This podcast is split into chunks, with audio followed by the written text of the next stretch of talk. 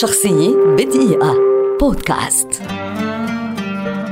آيرتون سينا سائق سيارات سباق برازيلي شهير. ولد عام 1960 ويعد واحدا من أعظم سائقي الفورمولا 1 على مستوى العالم وأحد أبرز أساطير الرياضة الميكانيكية عبر التاريخ. بدأ سينا مسيرته المهنية في رياضة الكارتينج ثم انتقل إلى سباقات العجلات المفتوحة عام 1981 فاز ببطولة الفورمولا 3 البريطانية عام 1983 وكان أول ظهور له في الفورمولا 1 مع فريق تولمان هارت عام 1984 قبل أن ينتقل إلى فريق تحالف لوتس رينو السنة التالية حيث فاز بست سباقات في المواسم الثلاثة التالية. وفي عام 1988 انضم سينا إلى الفرنسي آلان بروست في فريق ماكلارن هوندا. وفي الموسم الأول لهما معا فاز الثنائي بكل سباقات الموسم عدا سباق واحد فقط من أصل 16 سباقا.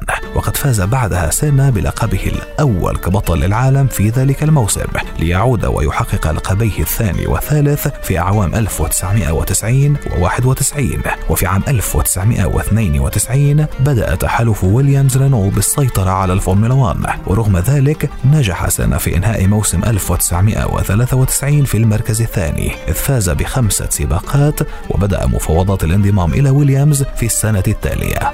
اشتهر سينا بمهاراته الفذة خلف عجلة القيادة في الأجواء الماطرة. ففي عام 1993 أقيم سباق في حلبة دونينغتون بارك فكان مركز انطلاق إيرتون عند البداية هو المركز الخامس. لكن بفضل مهارته احتل المركز الأول قبل نهاية اللفة الأولى من السباق. عام 1994 وإثر حادث اصطدام سيارته بالحائط وتحطمها وتعرضه لإصابات بليغة برأسه أثناء استحواذه على المركز الأول. في سباق الجائزة الكبرى بسان مارينو رحل إيرتون سينا عن عمر ناهز 34 عاما ليكتب نهاية تراجيدية لمسيرة حافلة بالإنجازات وليكون آخر من لقي مصرعه في حادث اصطدام فورمولا 1 حتى وفاة جول بيانكي في يوليو 2015 بعد حادث سباق إطلاق جائزة اليابان الكبرى في أكتوبر 2014 شخصية بدقيقة.